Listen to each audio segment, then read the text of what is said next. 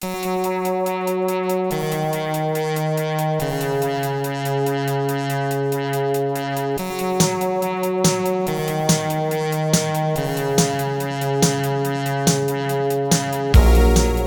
to First Draft with me, Sarah Enni. This is a little bit of an unusual episode because I have two guests and one exotic locale.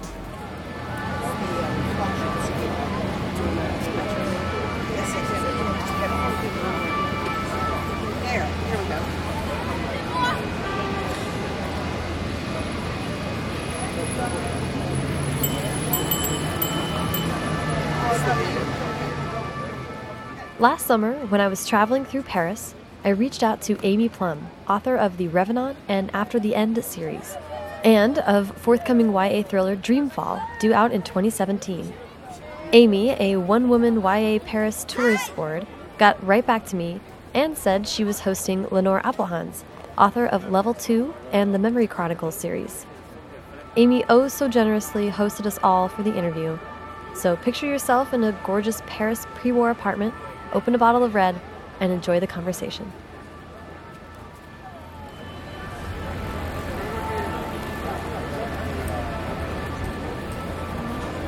Okay, so hello, how are you ladies? We are great. Great. It's a beautiful sunny Paris day. So beautiful outside. Thank you so much, Amy, for having me at your place. Um, do you want to just go ahead and introduce yourself really quick and give Sure. us like a mini rundown? So we Okay. know your voice. Yes, I am Amy Plum. Uh, I'm American, but I live in Paris and have for a long time. I have two series out with Harper Teen. The first series is the Die For Me series, which is set here in Paris. And the second series is a duology called After the End, which takes place in America. And that's more kind of action adventure road trip with a little bit of magic. So I'm Lenore Appelhans, and I currently live in Frankfurt, which is why I could just take a train over and visit Amy. Um, but I will be moving soon to the States. Um, actually, by the time this pod- podcast airs, I will be in the States. I wrote a duology called Memory Chronicles, which starts with The Memory of After and has Chasing Before as a second book. I also wrote a picture book called Gigasaurus Rex, which is out. Um, all of those with Simon Schuster. And in September, there's an anthology that I have a short story in called Panic Room, and the anthology is called Among the Shadows. So I would love to just sort of like lead up to professional writing and start with um, when you guys were younger. And I know there's like some interesting stories about moving around and where everyone was living. So I'd love to hear both of you guys just talk about where you were born and raised. Yours is more complicated, so you go first, Lenore. Yeah, mine is super complicated. So, my father was in the Air Force, and I was born in Minot, North Dakota. Yeah, Yeah. where, where your grandparents are. Yes, we talked about North Dakota yesterday. I actually Oh told Amy that it wasn't just Paris I was visiting, I was visiting her. And even if she was in North Dakota, I would still visit her in North Dakota. Yeah. So she was, that was like, that was how much she proved her love for me. That's so. high praise. That's Yeah. dedication. um, and then we were in Colorado, Athens, Greece, uh, Utah, California. Ohio is where I went to junior high and high school. And then I went to Ecuador for a year as an exchange student. And then I was in college in Oklahoma. And then I was in Japan for a year as an exchange student in college. And then I was in Wichita, Kansas, is where my family's from, for like a year. And then I moved to Germany. And I've been there for many years. And now I'm leaving. Man. So, You get the best traveled award Yeah. by far. Okay, and Amy, let's get your travel story down, and then I want to talk about about more travel stuff. Okay. Well, I was born in Portland, Oregon, but I don't remember it because we traveled a lot when I was very young. So, let's see. Portland, Oregon, born there, and then we lived in California, Oklahoma, and Washington, and it's only Washington that I start remembering things. Idaho for a year, and then when I was in third grade, we landed in Birmingham, Alabama, and that is where I grew up. Uh, after Birmingham, I went to school outside Chicago. And then a year after graduating, I moved to Paris for the first time. I lived in Paris for five years and then um, went to London to get my master's degree. Lived there for two years. Um, got my master's in art history and moved to New York to work in the art world. Um, stayed there for eight years when I was pregnant with my son, we moved back to where my ex is from in the Loire Valley and lived there for seven years. And just three years ago, I moved to Paris. So I figured it out the other day. I've lived uh, almost half of my life abroad now. So, yeah, about a third of my life in France. which is amazing. Um, and I'd love, I have like a hundred million questions about this, but I'd love to just sort of hear when in all this moving and traveling around did writing become something that you that you did to express your creativity? For me, I uh, books were always really important to me, and I, I think that maybe part of it was that it was a sense of stability for me. Um, that story was always there, and I also had a really rough childhood. Um, I uh, my dad was kind of violent, and so I did a lot of escaping through reading. And um, so for me, reading was always really important, and I started writing in first grade. I had a poem that made it into the school newspaper about a turkey that didn't want to get eaten for Thanksgiving. Aww. Yes. And um, it was prize winning material. but when I went to university, I studied, I, I took some literature courses, but I went into psychology. I did uh, psychology for my undergrad. I didn't really want to. I wanted to do art, but my parents said if we're paying, you're not going to do art. They, they didn't think I could get a job. Mm-hmm. And same with writing. They said unless you're planning on being a journalist, then there's no, you know, we want you to be able to support yourself when you get outside, out of school. And so I went into psychology, which I never did anything with. and then, but I kept on writing, and I, w- I always wrote a lot of letters. And I think because I was moving as well, there wasn't the internet at that point. So I was writing really long letters to my mom, to my grandma, really descriptive, telling stories of my life in these dif- different places. And writing was always really important to me for expressing myself. Um, but it wasn't until I had to make a choice on what to do in grad school that I actually thought about it because this time I was paying for my education. And I thought, what are the two things I love the most? It was art history, well, art, but I am a very bad artist. So, art history, being close to art, um, and writing. And I thought, okay, to get a job later, if I want to get a job at a museum, I definitely have to have a degree, whereas you don't have to have a degree in writing. So, I went the art route. After that, um, I would write articles. I worked at Sotheby's uh, auction house in New York. So anytime I got the opportunity to write, I would. So I wrote all sorts of articles for them for their website and for their magazine. And when I decided to move back to France to have my child, I had set up this art company where I was buying paintings and selling paint, uh, buying paintings in France to resell in America. Oh wow. And that failed very quickly because I'm a terrible business person. I found myself living in this tiny town in the middle of nowhere in the French countryside. Didn't have any friends. Uh, there was nobody else, no other foreigners around. And I, my husband at that point traveled a lot, so I was alone most of the time. And that's when I started a blog. And I started a blog called Chitlins and Camembert. And I would just, in the beginning, it was just for my family. So again, that Facebook didn't really exist, or if it did, I didn't know about it yet. So that was the easiest way to share pictures and stories with my friends and family of what was what was going on. But really quickly, all these other people started reading my blog, so I started trying to make it a little more interesting and I was writing about all sorts of subjects like um, wine. Um, I wrote about this old farmhouse that we bought and we're uh, fixing up. About being new mom in the middle of the countryside, about being a city girl in the middle of the countryside, about being an American in France, and there were all these different topics that I was covering, and I was writing an article a day, um, which would take me a couple of hours, but I had nothing else to do except change diapers, so it was very exciting to do this. Finally I got this huge following, and some of the people who were following me were writers, and a few of them said, You really need to make this into a book. So I wrote a book with it. Um, I gave it the temporary title A Year in the Vines, which is not very original, but I thought it would explain what it was just from the title. So it was kind of a comedic memoir. Um, and with that book, which was never published, I got my agent. She sent it around to publishers. The publishers said, We love Amy's writing, but every American that moves to France or Italy writes a book about it. There's too much on the market. We don't want it. But if she writes anything else, show us.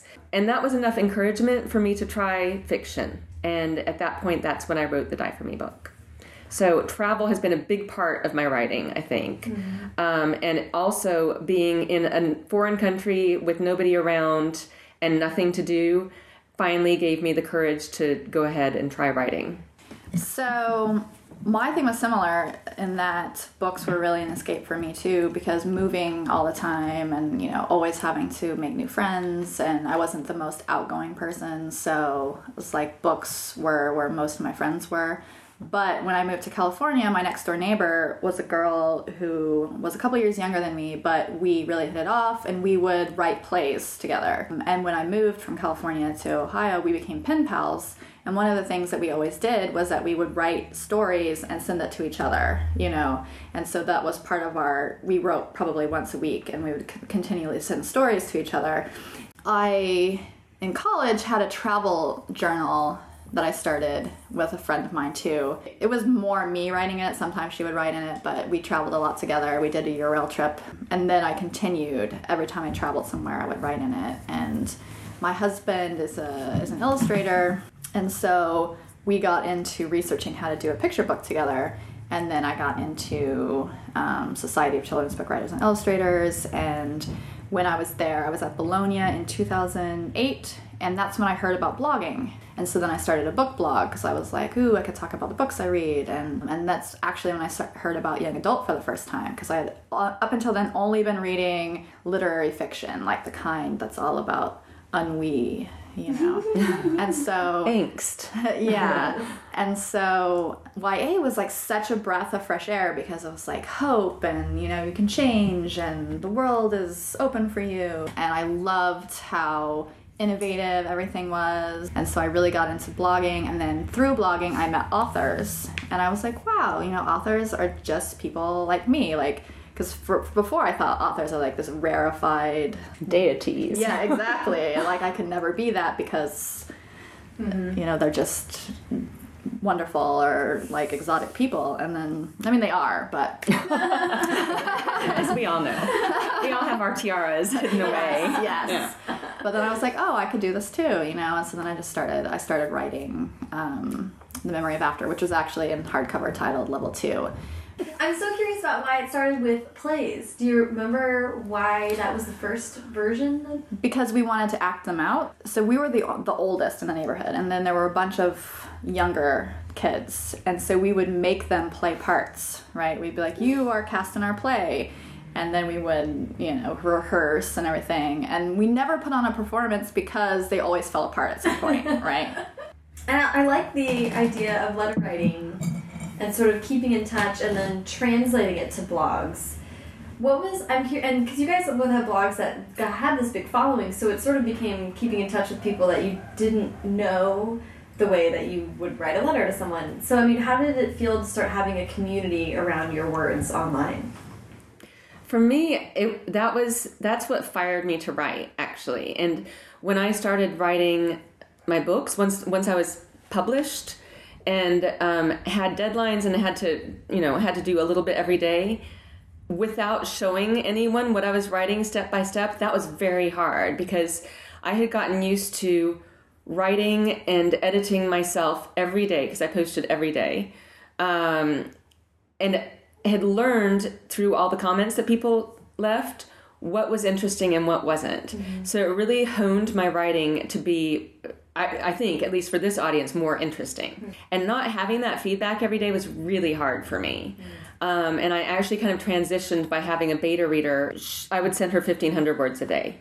And that helped because even if she didn't crit- give me critiques on it, she would. She'd say this doesn't make sense or whatever else. But it was mainly just being accountable to someone. That back and forth with the readership and the, the relationship with the readership on the blog was very formative for me and also affected me a lot. Um, so how, how did I mean your blog was like I remember people on Goodreads sort of like threw this huge party when you got your book deal. It was like yay one of us. I feel like there was a lot of like celebratory excitement.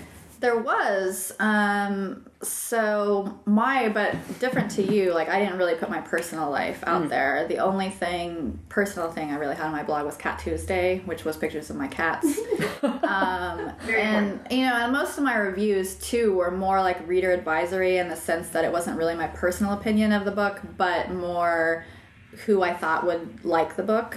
For a period, I was only reviewing dystopians too. And then because they're all, I mean, there's only so many things you can do with dystopian, right? Yeah. And so you just see the same things over and over again and you get tired of it, you know? How did that play into? I mean, your book is not a is not really a dystopia. How would you qualify? it? Well, the jumping off point actually. So I had the idea for level two slash memory of after many, many years ago, and it was based on sort of a philosophical difference I had with my grandmother because my grandmother was very much about like you need to collect things mm-hmm. and I you, you know spend your money on things that you can have and put in your house and stuff mm-hmm. like that. And my philosophy was spend your money on experiences, travel. Mm-hmm. And so my idea then to justify my own choices in life was that in the afterlife your memories are currency. And so if you have good memories that people want to experience, then you're rich, right? And if you were just somebody who had collected things in your house, well, nobody wants a memory of you looking at your, you know, chair. And so that was the original idea and that, but I didn't know how to put that into a book. And so uh, at one point I just had this thought like what if it was a dystopian afterlife where somebody was actually controlling the memories and making a system and everything. And so it started out as a dystopian, but it that was just a jumping off point for me. And it's not really a dystopian. Yeah, it's really different. It's I really mean, different. Yeah. Was it sort of um, born out of reading? I'm just so so curious about like you have this sort of like glut of knowledge of what's out there with dystopia, and then you get to sort of play with it yourself. And at what point did you say like?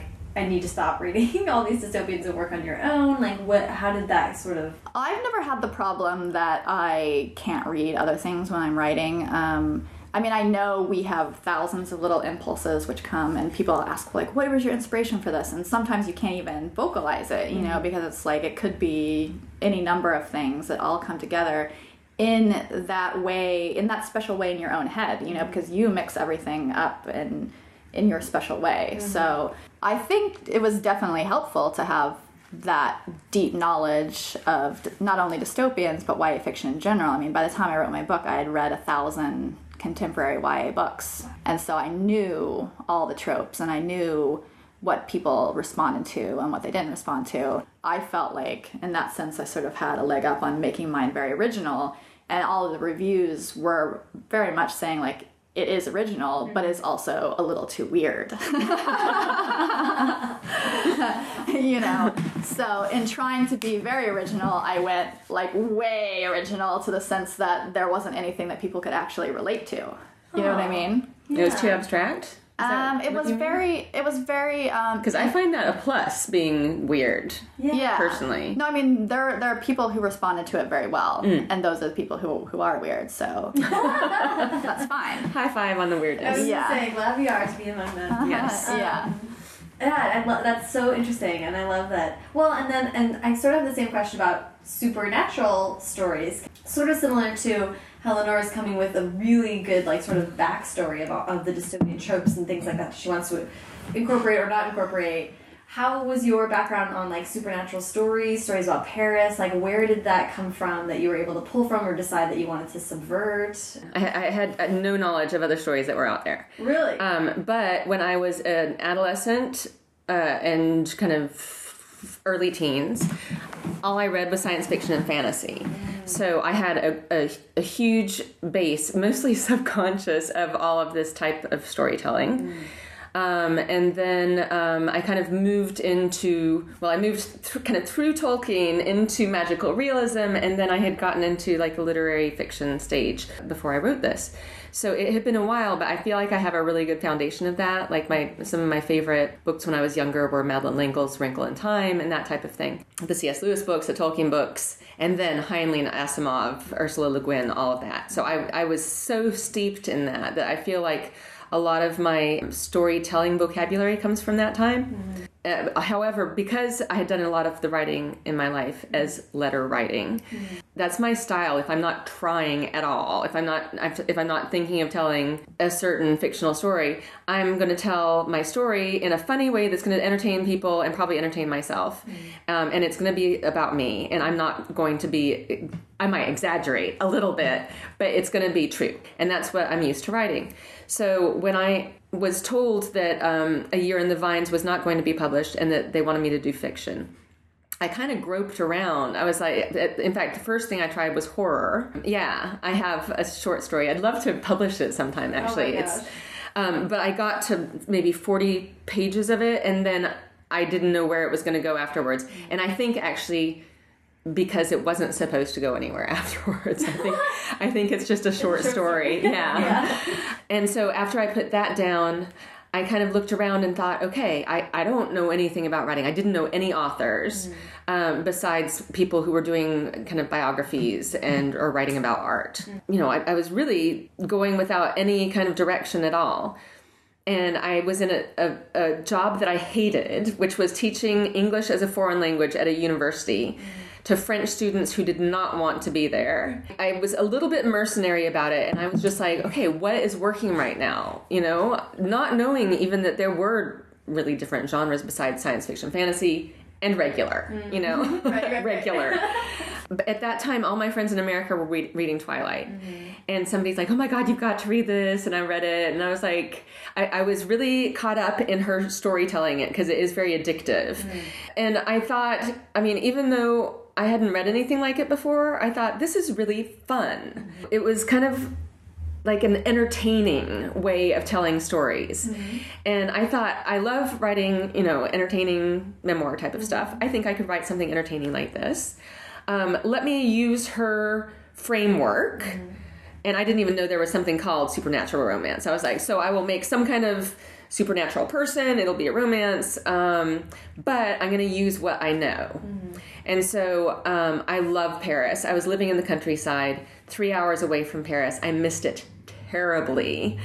And I was like, I'm gonna, I'm gonna set it in Paris. I had already lived there five years. I knew Paris like the back of my hand. So I was like, okay. And I, coming from my point of view, I can't write as a French person. Mm-hmm. So uh, there has to be an American person in it. So really, I was, I built it up from scratch by just saying, what can I write about that I already know? Mm. And it came to be, you know, this supernatural romance that happened in Paris with an American teenager and a French guy. But when I thought about writing about vampires or werewolves or whatever else, I I didn't feel like I could write about something and in fact that's something that I always have a problem with. Mm. I can't write about something that has already been established. Mm. I have to create my own world. And so I had to create my own supernatural character mm. and I had to figure out how to do it. And basically in the end I I kind of mixed gods and zombies and mm. that that was the way that I got my revenants. to some extent, what I noticed is similar between a lot of the work that you guys have done. Is this a sort of a concept of like memories, but memories being false or being misleading, or you choosing which memories, or in in the new series. Um, after the end until the beginning, she finds out that her memories were sort of manipulated without her knowledge. I just noticed that that theme was sort of present in both your guys' work, and it's something that's really fascinating to me. What was it about working with memory that was in particular like such a pull for you? I think for me, I mean, it's interesting because I've seen a lot of talk lately about how the selves that we present on social media these days are presenting very much like a highlight reel of our lives, and we're giving sort of a false sense of what life should be like because we're just showing the happy times, right? And and there's so many people who then see that and are like, well, my life sucks in comparison. I might as well just give up. I've seen so many stories lately about people who have committed suicide because of Instagram feeds and, and stuff like that. What? Yeah. Um, What? Because they're discouraged about their they're, own life. they're because- discouraged about their own life because they see like everybody else is having fun and I'm not. So there must be something wrong with me.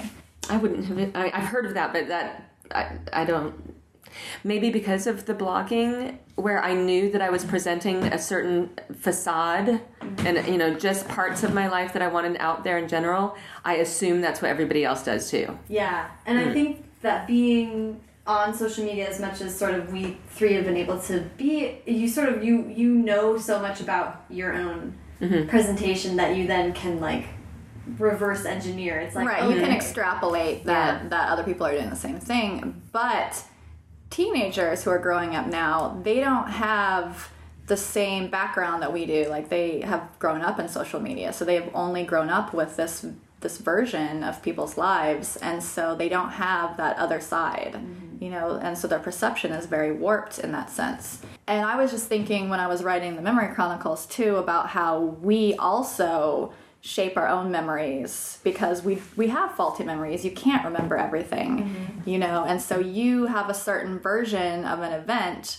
And I know, like, I have certain stories that I tell that I've honed to be very entertaining, and they might not be exactly truthful all the time. Like, if I would go back and actually relive that event, I would see um, It left out all the boring details Yeah, that like led it- up to something. Right. Yeah. It didn't actually ha- maybe happen exactly that way, but mm-hmm. the way that I've shaped the story over the years has become like a thing of its own, mm-hmm. right? And so memory can really play tricks on you in that sense because not only are you not able to really know what other people's memories, like what is true or what is not true and what they present to themselves, but you're sometimes like deluding yourself as well. To me, like memory is a completely fascinating subject, and I love the idea of being able to like go back and actually like if you were recording stuff, you know, you can go back and actually see what happened and be like, oh, you know, it didn't happen that way, or And to actually pitch another friend's book, a friend of both Lenore and I, uh, Emma Trevayne wrote a book called Coda,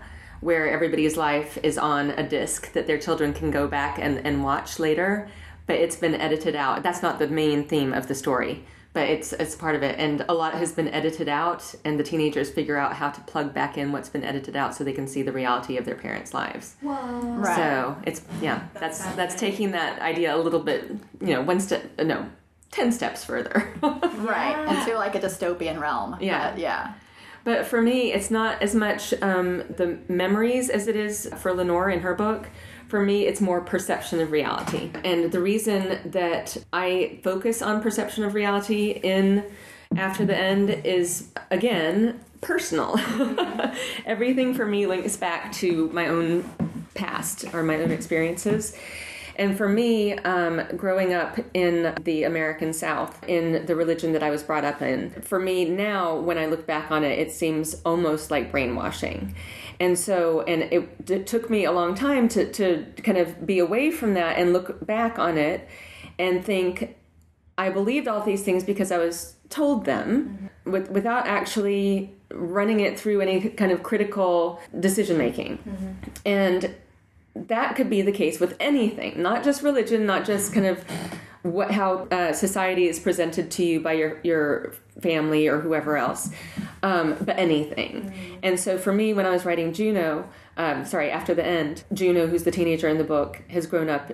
Uh, in what she thinks is a post-apocalyptic society, um, the world having been destroyed in World War III, and they're living in the Alaskan wilderness, living off the land, hiding in this small kind of area because there are these post-apocalyptic kind of Mad Max brigands that are out, you know, uh, still pillaging. And for her, it wasn't until, and I can, this is not a spoiler because it comes up like maybe chapter seven or eight in the book, but when she leaves the little area where they had been hiding out and starts seeing signs of civilization and uh, gets to a big city and realizes that there was never a World War III and her childhood has been a lie.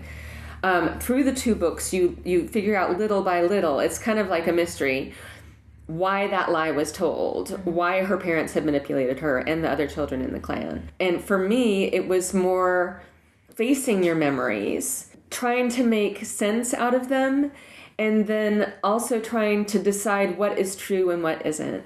And that was definitely a process that I had to go through, um, especially leaving the American South to the north and then leaving America altogether. So deciding for yourself, um, taking everything that you've learned in your childhood and your past and from your culture, then taking it all and examining it and deciding what you think is true and what's not, mm-hmm. and having to make up your own reality.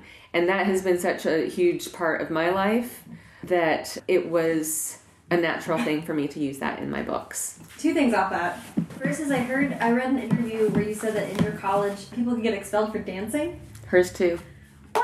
I want to hear. This is fa- fascinating to me. Do you mind talking just a little bit? I'm just really curious about what the religion was or what that environment was like. Um, well, I went to Oklahoma Baptist, so dancing was illegal. I mean, you've seen Footloose, I guess, in Oklahoma is known for being against dancing. Is that where Footloose was was Yeah. set in Yeah. Oklahoma? It was. Oh, I thought it was Kansas for some reason. No, it was Oklahoma. And um, we had functions. So we had dances, but they were called functions. And so there was dancing going on, but it was called functioning, and it wasn't. and That it, makes me think that they're like doing the robot. I Milling mean, around. right. So I, I, I was in Ecuador before I went to college, and I learned how to merengue and salsa and like actually dance. Right. So when I came to Oklahoma and people were functioning, it really was like not dancing. Right. It really has has no rhythm. Sorry, people of Oklahoma. It was just like very awkward. And you know, barely functioning, I would call it. wow. And mine, mine was Wheaton College in Chicago, or outside of Chicago, um, which is where Billy Graham went to college. Ah. And um, so for for me, and I like to qualify a little bit um, because so many Americans call themselves Christians and go to church and whatever, and this does not cover everybody. Um, my family was super, super duper conservative, um, and there are more conservatives. There's that what what is that school where you can't touch elbows? You mean Oral Roberts? Yes. maybe? Yeah. Yeah. No, So there are worse ones than what we went to. Yeah, Oklahoma Baptist is actually extremely liberal as far as Christian colleges mm-hmm. are concerned. I'm so curious about how. I mean, it sounds like that's maybe a theme that it's a common theme throughout YA is like finding your your own identity, sort of outside of the group, whether or not the group that you were raised in works for you, and if not, how that reflects upon you. I mean, and then that having happened, like when you're leaving college, it's all of a sudden you're in your mid twenties, and it's like, who am I really? What do I agree with? And really, how did that like experience go? Mm. This is interesting because we were just talking about it. she was Yeah. she was pointing out that in all of my fiction so far, I've had Christian characters or like settings in church.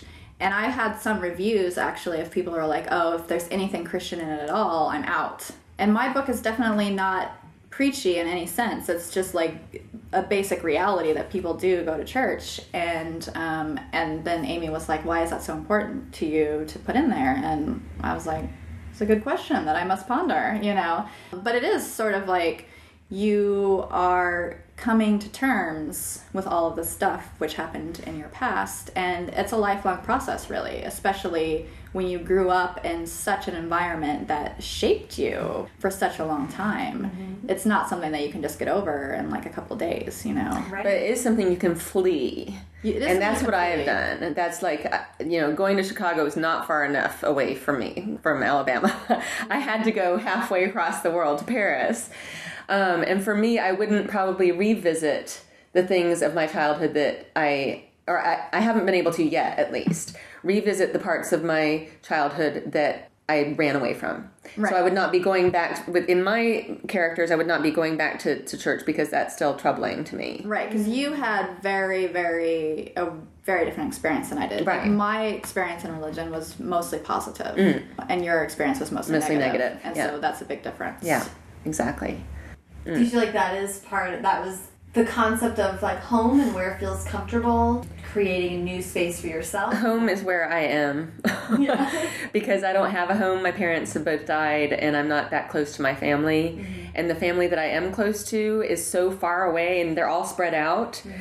So for me, um, since I lived in New York for eight years and I still have friends there, that's kind of a home to me. Mm-hmm. But I go back to America now, and I don't know how to use their new credit card machines, and I, I'm like looking around. I don't know how things work. So for me now, home is Paris, and you know I'm, I'm not completely French either. So I, for me, I, I do feel kind of homeless in in a way, um, and that does definitely come into my writing. I think. That's exactly the same for me. Mm. Yeah, because people ask me where I'm from, and I don't really know what to say anymore. Mm. I've been saying for a long time I'm from Kansas because that's where my family is from, but my dad has just moved, and so it doesn't quite seem true anymore. Plus the fact that I never really lived there.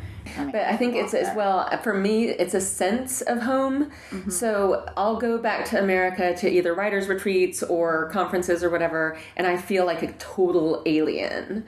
Whereas I go to New York and I get this kind of comforted feeling that I'm like, oh, I, I, this feels like home. I know this. I feel like I kind of belong here a little bit, even though I don't know how everything works. And that's the same thing I feel when I'm in Paris. I get here if I've been away, or even when I was living down in the countryside, and I get here, and it's like this. Eh, in French, they use the word cocoon a lot, the cocooning, they say, and it's like a wrapped up feeling. Like you, you're wrapped up, you're safe, you know your way around, you know what to expect. Mm-hmm. And so in New York and in Paris, I feel like that, even though most of my friends are elsewhere, mm-hmm. and most of my family is elsewhere. See, So- to me, that's like not a sense that I get from place, but like from people. Mm. You know, so I feel like certain people are home, you know, so I could meet somebody and maybe even not know them that well, but if you sort of have that like kindred spirit sort of feeling and you feel safe with them, then it's sort of like your home. So, like right now, I actually feel like I'm at home because, you know, Amy and I have bonded so well. you know, I feel like very at home now, even though I would never say to somebody, Paris is my home because that would be ridiculous, you know. But, um, but yeah. How did you? I mean, you were recently faced with like w- deciding where you want to live. So how did you sort of think through that process? The process was sort of like where do I have the most support group because this is sort of a tumultuous time in my life and I need I realized for myself that I need to be in a place where I know a lot of people who are going to get me to go out, you mm. know. So again, home for you is people. Right. Mm. And so I thought, like, I can't really go. I know people all over the world, right? But I don't want to go to a place where I just know one or two people because that's too much pressure for those two poor people, you know, who are gonna- who are going to have to be like my emotional support for the next year or whatever.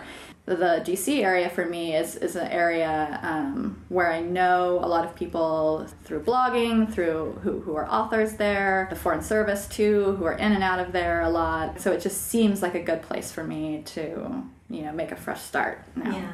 It was really interesting. This whole podcast series started with me doing this road trip across the US to be like, well, I can choose where I want to live. And we were in the Air Force, so I was like, totally resigned that part of my mind. It's just like the next 20 years are, I will live wherever we are assigned. And I will, I was not unhappy about it, but it's, it's turned off that part of my brain.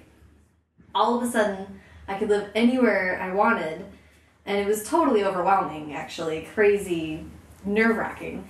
So I took this road trip and just went to go see as many people and was talking about what what what is it that you love about this place? What makes you feel creative here? What what do you like about it? And talked to a lot of people who travel a ton, and I was just like, how do you know? Like, how do you get to someplace and know that this is where you should try to put down roots?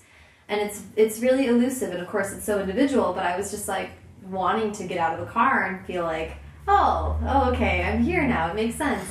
And for me, it was in Los Angeles. I met so many other writers, and there was just this vibe. Everyone is there. There's so many people Yeah. there, and then, and then even people you meet at the grocery store were just like, "What do you do? How are you doing?" And it was just like this sort of. And I was like, "Oh well, it's worth a lease. You know, it's only a mm-hmm. year, and if it doesn't work out, you can we can try something else." But it was sort of a really nerve wracking process to just think like, where can I go and just start over at this like not college age, you know, or past college. It's like a different time to be like Starting oh, over, I'm yeah. here. Mm-hmm. Yeah. Yeah.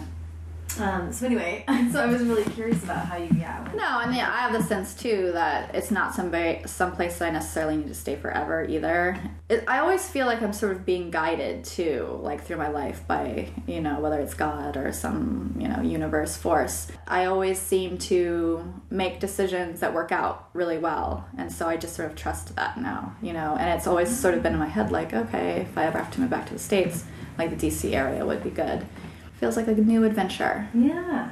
And this was sort of a theme of my books too, because in level two slash memory of after, they only view their good memories. I mean, who wants to go back and relive all their bad memories? But they learn basically in order to move on, you have to face your bad memories. And that's sort of the thing in, in life as, as a growth process. You have to be able to face the dark in you. You have to be able to face the things that you think you can't face. Mm-hmm. And then, you know, to get over them and to grow and to be open to good things in your future. Do you? I mean, so it sounds like books are sort of a big thing for you in personal. It's interesting because it's subconscious, a lot of the things. Like, I'll go back and I'll be like, see things in the books that I didn't realize were things that I was going through at the time. Mm-hmm. And and of course, like if you go back now and be like, "Oh, what was she doing?" you know, like what was going through her life, you wouldn't be able to pinpoint the same things because, you know, it's very personal.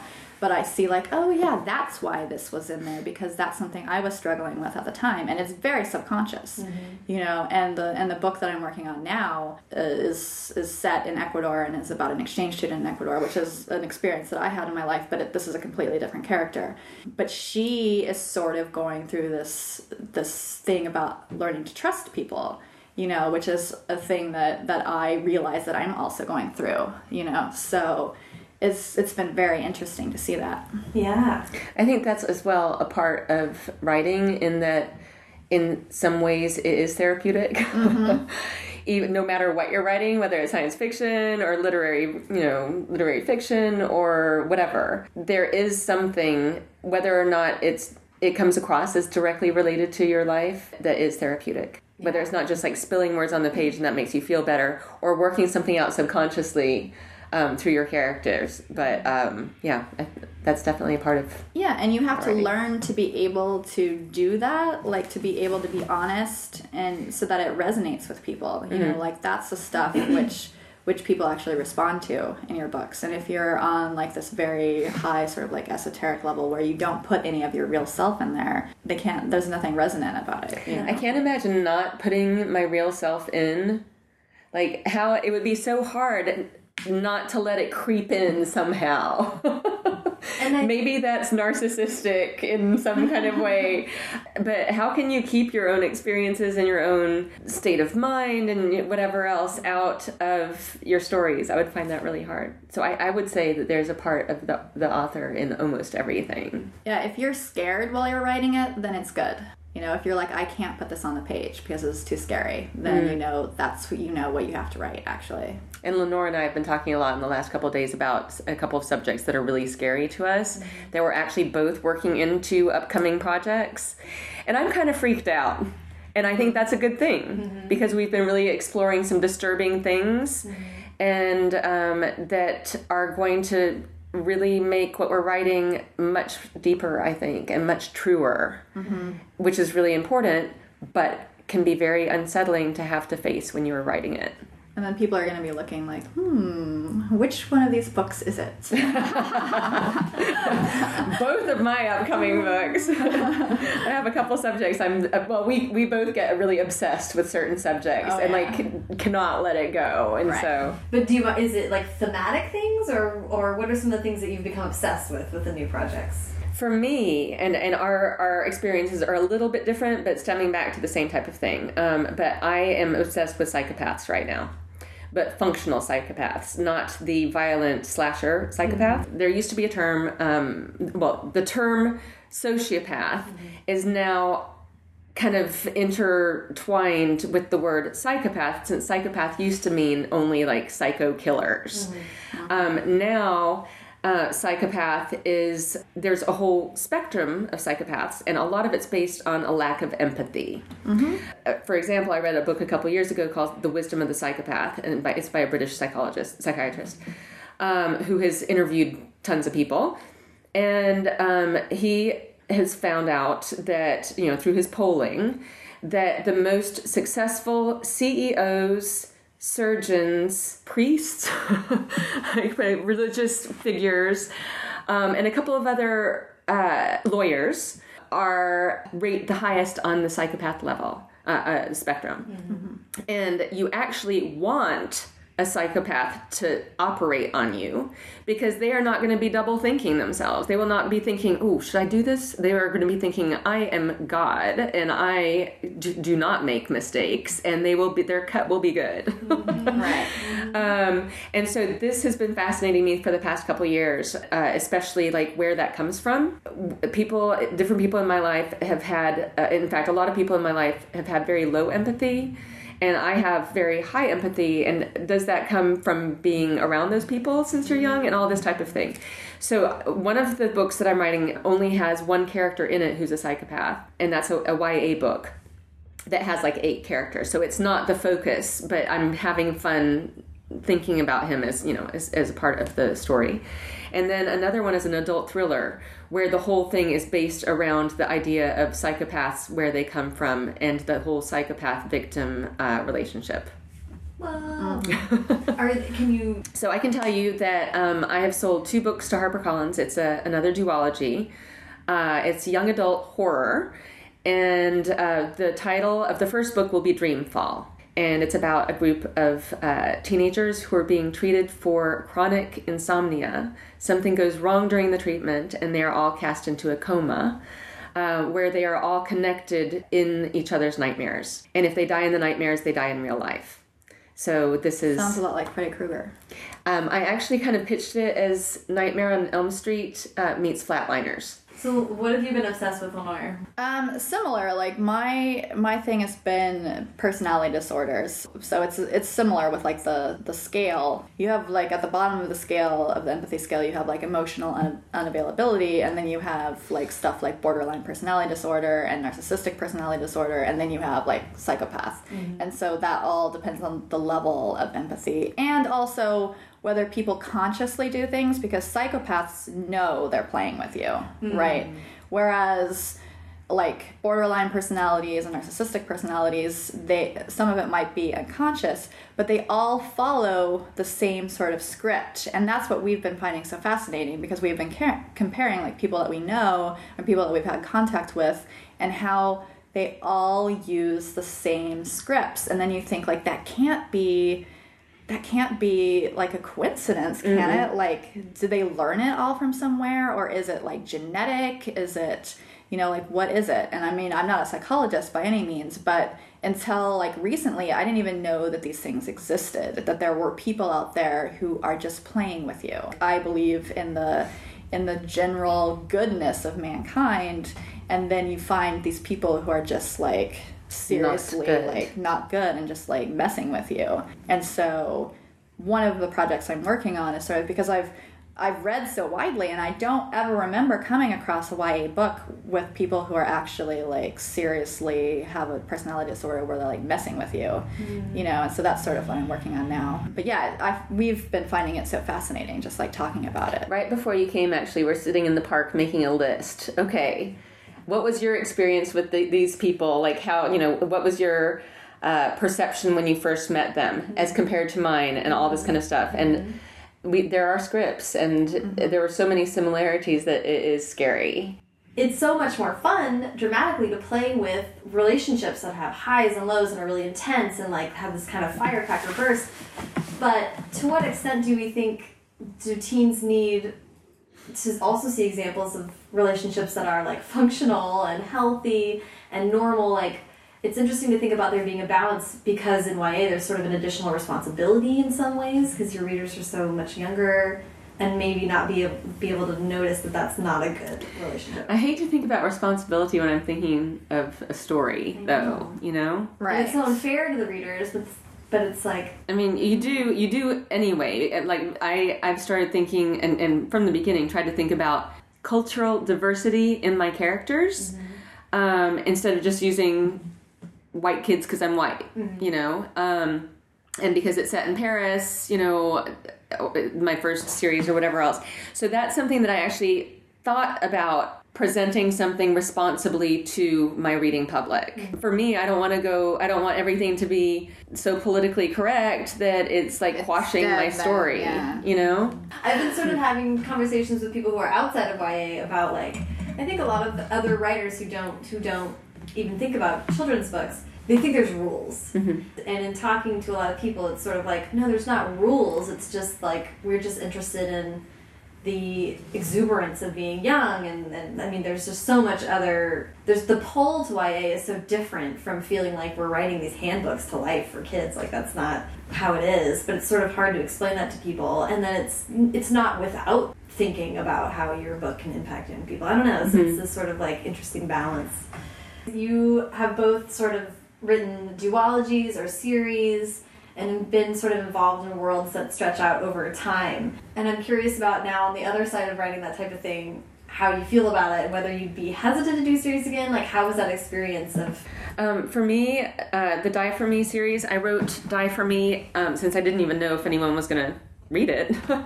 I wrote it as workable as a standalone, but open to having more things, more you know, more um, volumes afterwards. And so, unfortunately, I killed off the bad guy in the first book.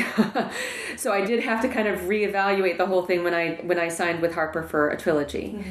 And people kept asking for more books after that, so I did do two spin-off novellas. Mm-hmm. And it's it's fun going back to those and it's it was fun writing those, but once you've gone on to another story, it's very hard to go back. For me, I, you know, everybody works differently. Um, so for me, I've put all those characters to rest, and they're going on with their own stories in another universe. Mm-hmm. Um, but I think that as an author, if unless you've written the whole series in advance, it can be a stressful thing mm-hmm. because you know people are counting on you, people are waiting for the next book. You're usually on a very strict schedule, and um, that kind of takes well I, shouldn't say it takes the creativity out because it forces you to sit down and create. A but different kind of creativity yeah. under the gun. Yeah absolutely.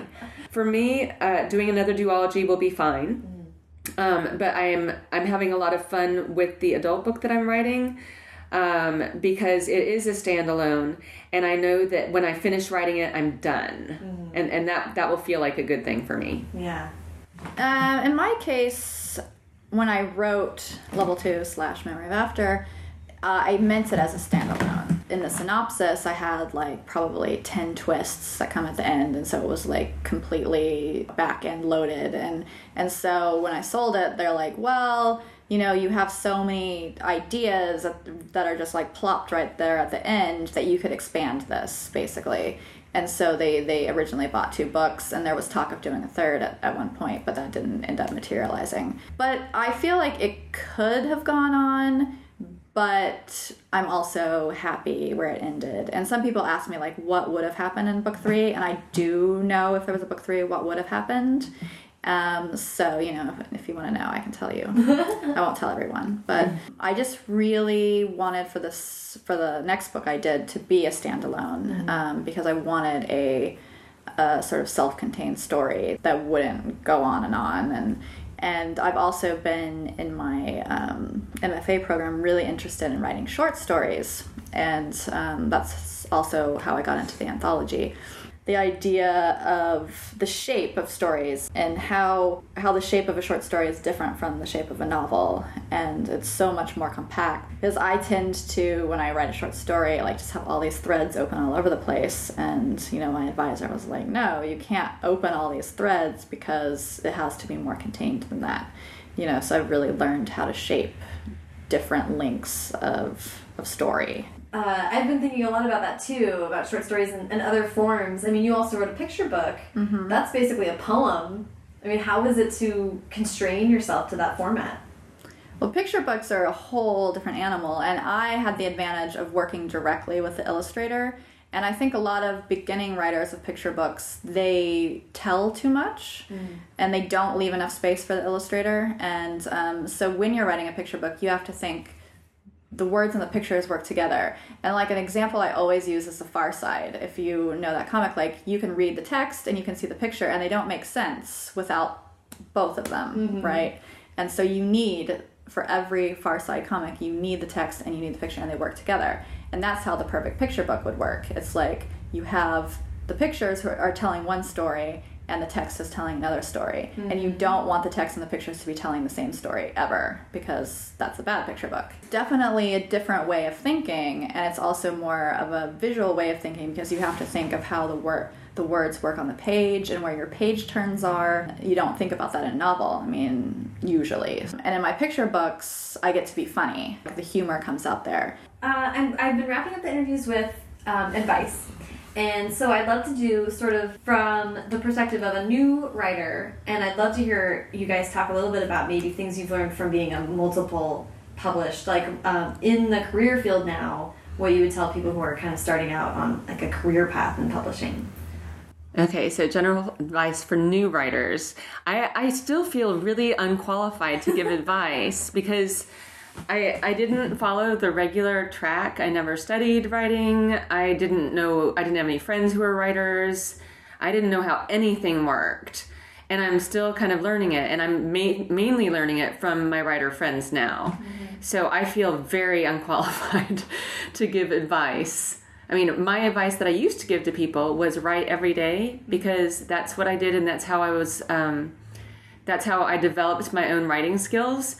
But now that I'm a writer, I don't write every day. I do a lot of social networking and I do all sorts of other things. And the writing usually comes in concentrated weeks of, you know, putting my head down and working. If you're going into a certain field, especially like young adult, um, you should do it the way I didn't do it and get to know the young adult other young adult authors and you know how things work. Make your choice of what the what you love the most about it the, the books that you love the most why. Basically do it like lenore did. Except that Lenore's going to give you some opposite advice. I'm just kidding. yeah um, and so like for me and maybe maybe it's because i started out so confused and so lost and i really had no clue what was going on for the first couple of years. I had no clue it, since you're talking about career mm-hmm. instead of writing itself mm-hmm. um, I would say please familiar, familiarize yourself with this career before jumping into it. And if you do, then maybe you'll feel a little bit less lost than I did mm-hmm. because that was a kind of terrifying first couple years for me. Now I feel much more stable, even though I don't feel like I know everything. I know enough to not feel nervous about it all the time. So for me, if I were going into that career, I would I would study it a little bit more before jumping in head first. Yeah. I sort of became.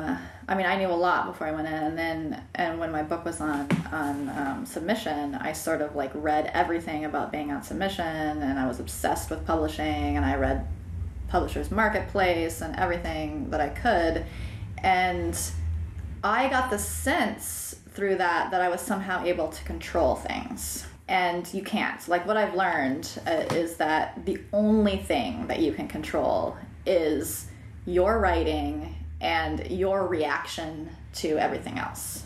I went through a period of time where, you know, if something didn't happen like I thought it should, I got very depressed about it. But it wasn't anything that I could control. And I had to realize at some point, like, okay, things are going to happen and or people are going to respond to your work or you know publishers are going to do this or that and you have no control over it right? And so you just have to realize you have to give up that control. The only control you have is what you write. And so instead of like waiting around and being like nervous about like what's going on write the next book you know? And i hear that all the time but it's like it's so true and i have to constantly remind myself that like you can be on Facebook, and this is something we were talking about before, and you see everybody else is getting these great book deals, and you're like, why am I not getting the book deals? And it's like, because you're not writing anything. You're just like looking at other people getting book deals and saying, why am I not getting that, you know? So yeah, write. I'll piggyback on that by saying um, that that is some of the best advice I've gotten from other writers is write the next book. And instead of dwelling on what you've already written, and I mean, most people who I know, their first book was never published. And that, in a lot of cases, is a very good thing. For me, it's a very good thing. I'm so glad nobody saw that first book that I thought was wonderful. And now I look at it, I'm like, oh my God, I'm so glad nobody ever saw that. um, and so for me, um, writing the next book is always, it is very good advice because you do everything you can for the book that you're on. You hopefully sell it, you get it published. A lot of people will spend a lot of time afterwards on publicity, and I, I do spend a lot of time on, on publicity and getting things known, but I don't spend the next few years doing that. I, I try to get onto the next book or the next couple books or the next idea, um, rather than looking back and saying, "Oh, why didn't those sell more? What should I do? Should I like go on more tours? Should I do more?" You know, no, it's write the next book. I think you get caught up in the early stages of publishing. It's like I have to do everything right. Like what is everybody else doing? You know, and I and and sort of going overboard. And or like I'll see a lot on message boards where people are like, which events do I need to go to? And it's like, do the events if your publisher's not sending you and you and and you have to pay for it yourself. Do the events that are going to be fun for you. You know, if you want to do it, then do it. But if you don't want to do it, don't do it. Hmm. because it's not going to make that much of a difference mm-hmm. in the end. You know. Um, thank you, ladies, so much for taking the time. Thank you for coming all the way to Paris just to talk to Oh, us. This is uh, just such a lovely flight. You're right such a on. jet setter. yeah, exactly. Thank you guys so much.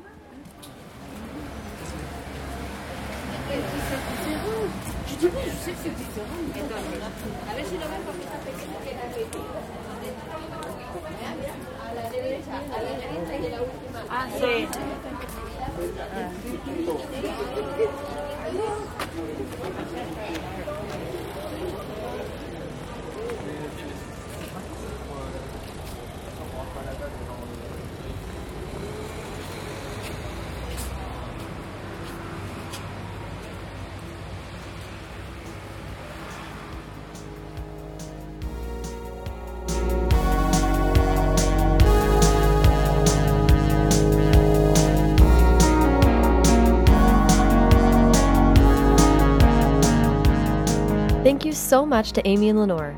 Follow Amy at Amy Plum Olala and Lenore at Lenore VA, and follow me at Sarah Enni and the podcast at First Draft Pod. Check out the podcast on Facebook and head over to the Instagram to get a sneak peek at who will be appearing in future interviews. But for quotes from this conversation and from the almost 60 others, head to firstdraftpod.com. If you liked what you heard, think of leaving a rating or review on iTunes. Every star feels like a freshly opened bottle of Cote de Rhone. Thanks to Hashbrown for the theme song, and to Colin Keith and Maureen Goo for the logos. And as ever, thank you, wonderful Francophiles, for listening.